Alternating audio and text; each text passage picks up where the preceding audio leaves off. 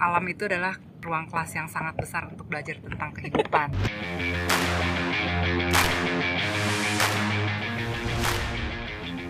Kalian lagi dengerin podcast Saya Sporte. Kupas tuntas, Mental. olahraga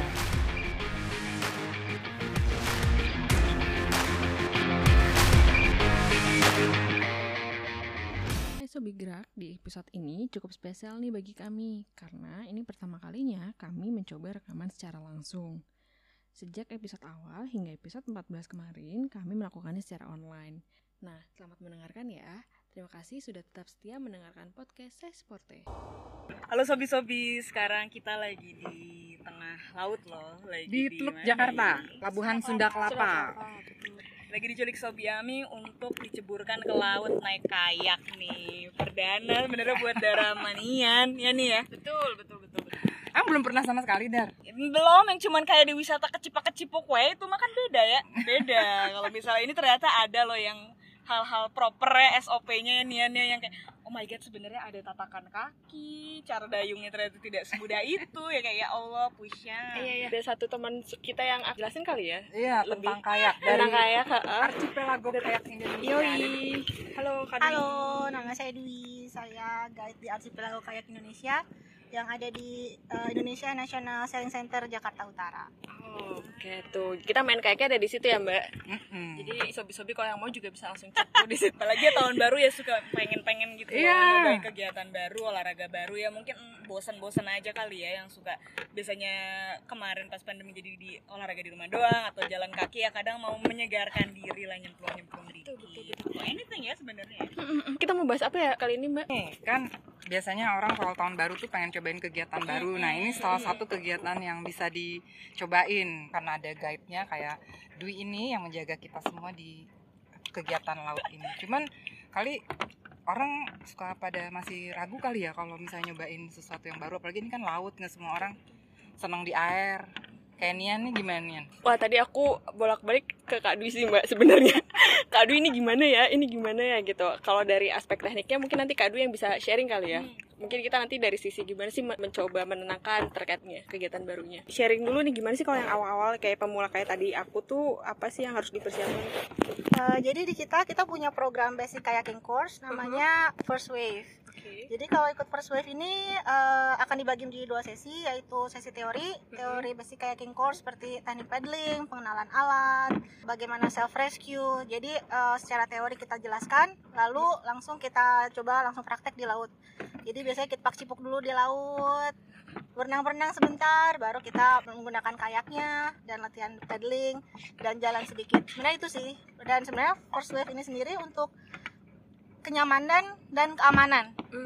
Karena kan seenggaknya kalau orang udah punya pengetahuan walaupun sedikit dia akan merasa lebih aman dan lebih mengetahui oh saya harus seperti ini saya harus seperti ini. Makanya kalau yang mau ikutan trip kita kita arahkan dulu untuk ikut first wave gitu. Oh oke. Jadi emang ada levelnya ya nggak yang Iya, asal benar. aku ingin kayak tapi lo tunggu dulu emang bisa atau enggak gitu ya. Nah Oh bagus bagus ih lengkap paketnya. Bener.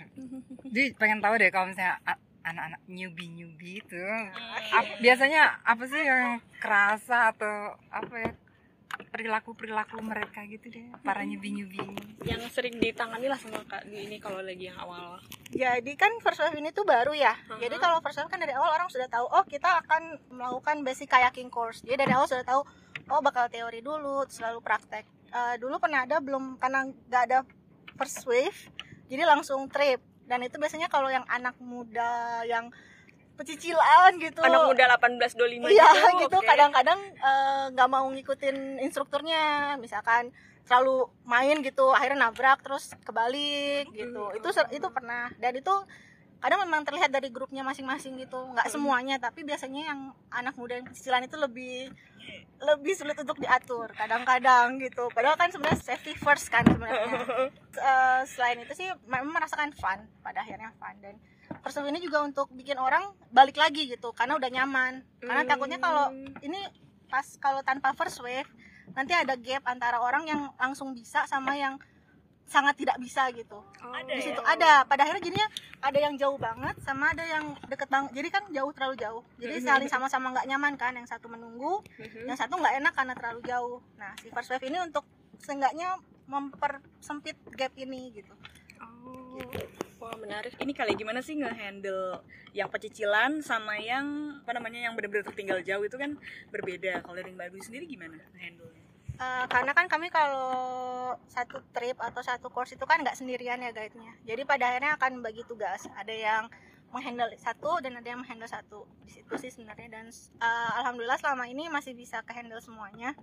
Tapi kalau yang pecicilan pada akhirnya mereka akan merasakan oh kalau saya tidak mendengarkan akan terjadi seperti ini dan akhirnya akan mendengarkan gitu. Tapi harus kejadian dulu. Masalahnya di situ sayangnya harus seperti itu. Selama nggak kejadian mereka bakal pecicilan aja terus. ada aja. Refleksi juga kalian ya ya. Maksudnya kalau gue pribadi gitu kalau misalnya nyobain hal baru ya cenderungnya lebih ke excited dibandingin takut. Jadi mungkin begitu ngeliat yang pecicilan kayak hmm oke jadi gimana? gitu. Soalnya sadar diri agak-agak ke sana kecenderungannya gitu. Jadi begitu tadi juga nyobain Kak Dwi gitu kadang kan kadang denger kadang enggak. Terus kayak ngelayap sendiri gitu. Kayak oh gitu ya ada ya yang tipe kayak gitu. Kalau Nian gimana? Kalau gue justru tadi awal lebih takut sih dar. Mungkin karena gue nggak bisa karena gue nggak bisa renang kali ya. Terus habis itu kan di air laut yang ya lo ini nggak ada daratan nih nggak ada nggak ada tapakan kaki gitu. Jadi eh, kalau dar langsung ngacir aja kalau aku lebih ke bentar ya mbak pelan pelan ya mbak dan sebagainya gitu. Nah sebelumnya untung mbak Mi tuh kayak sempet ngasih tahu gitu Nian nikmatin dulu aja ombaknya. Hal itu sih yang aku coba eh, awal-awal dilakuin dulu dar.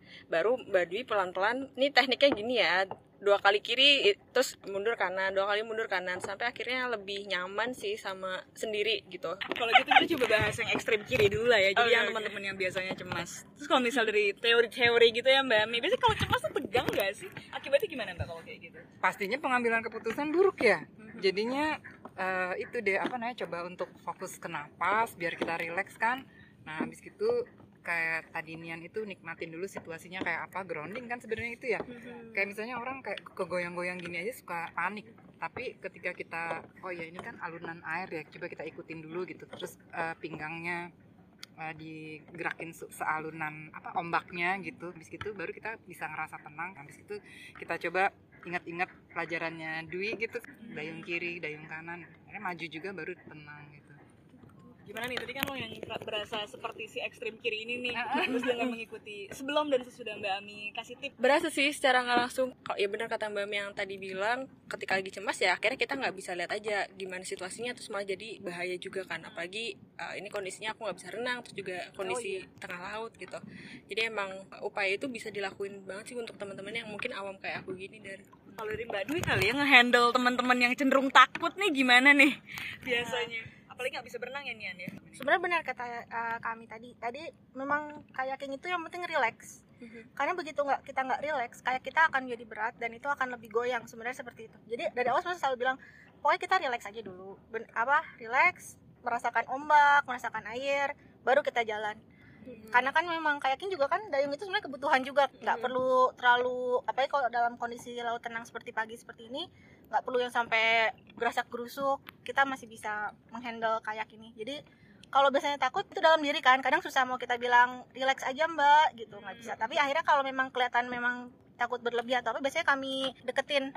Jadi agar dia tahu oh saya ada selalu ada guide kok di samping saya yang akan menghandle saya kalau ada apa-apa.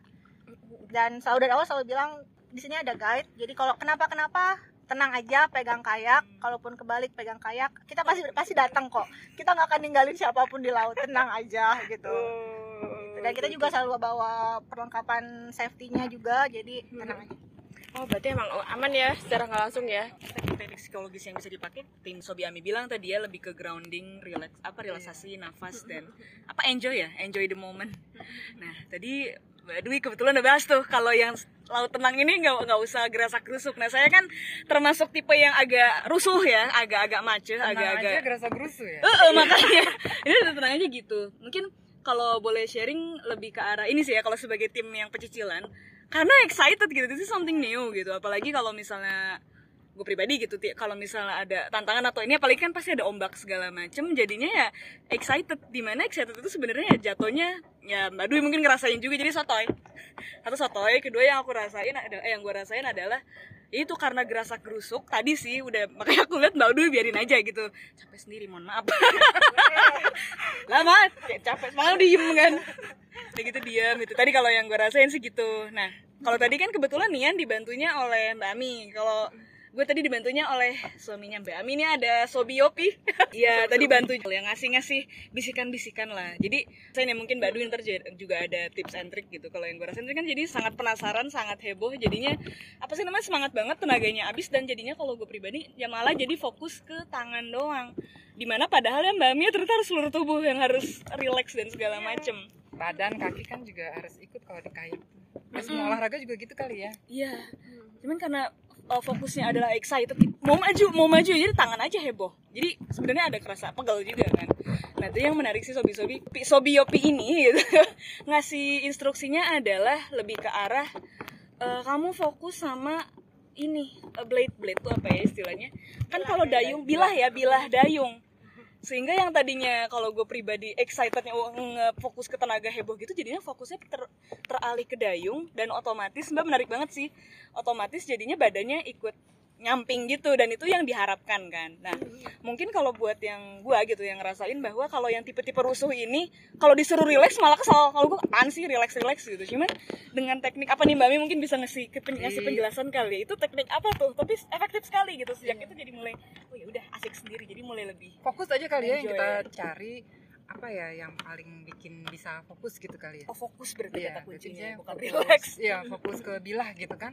Karena kalau fokus tuh kan emang ada gerakan, maksudnya ada aktivitas ya untuk orang-orang yang aktif. Dia jadi punya ini ya, punya satu kegiatan fokus gitu kan.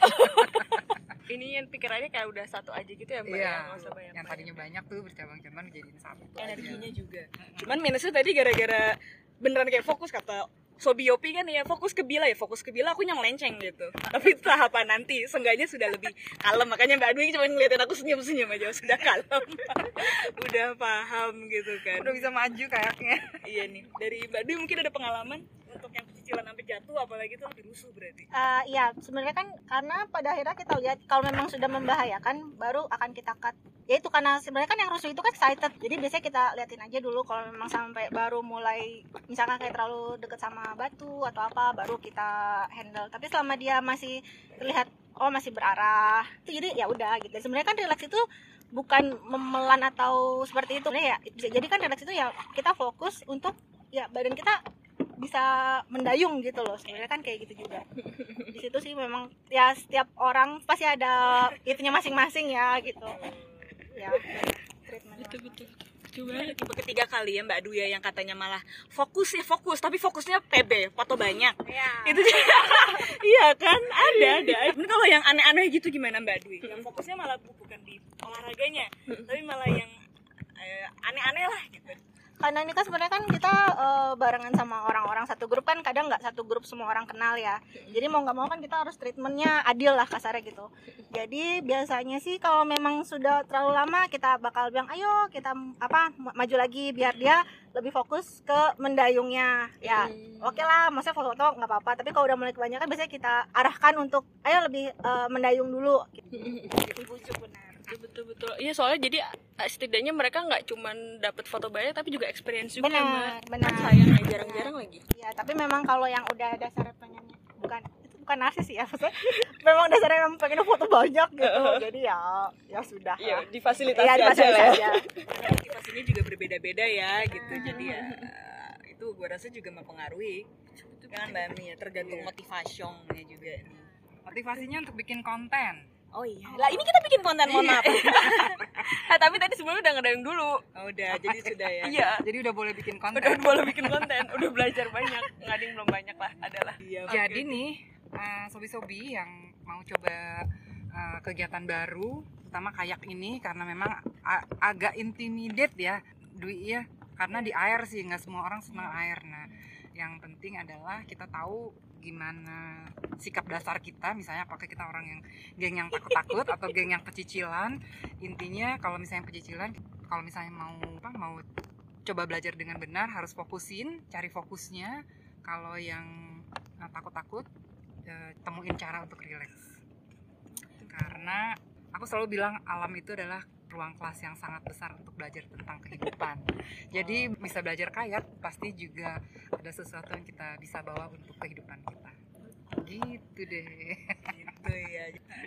Ini lagi. Mendayung lagi ada spot foto di Pinisi di situ Wah, kapal Pinisi kita asik. belum foto di situ Kalau gitu, terima kasih sudah dengerin podcast kami kali ini. Jangan lupa untuk share kalau misalnya udah dengerin. Nanti kalian bisa post, terus habis itu juga bisa mention ke Instagram @sasporte.id sama Instagramnya archipelagokayak.id. Oke, jangan lupa untuk tetap gerak. Bye bye bye.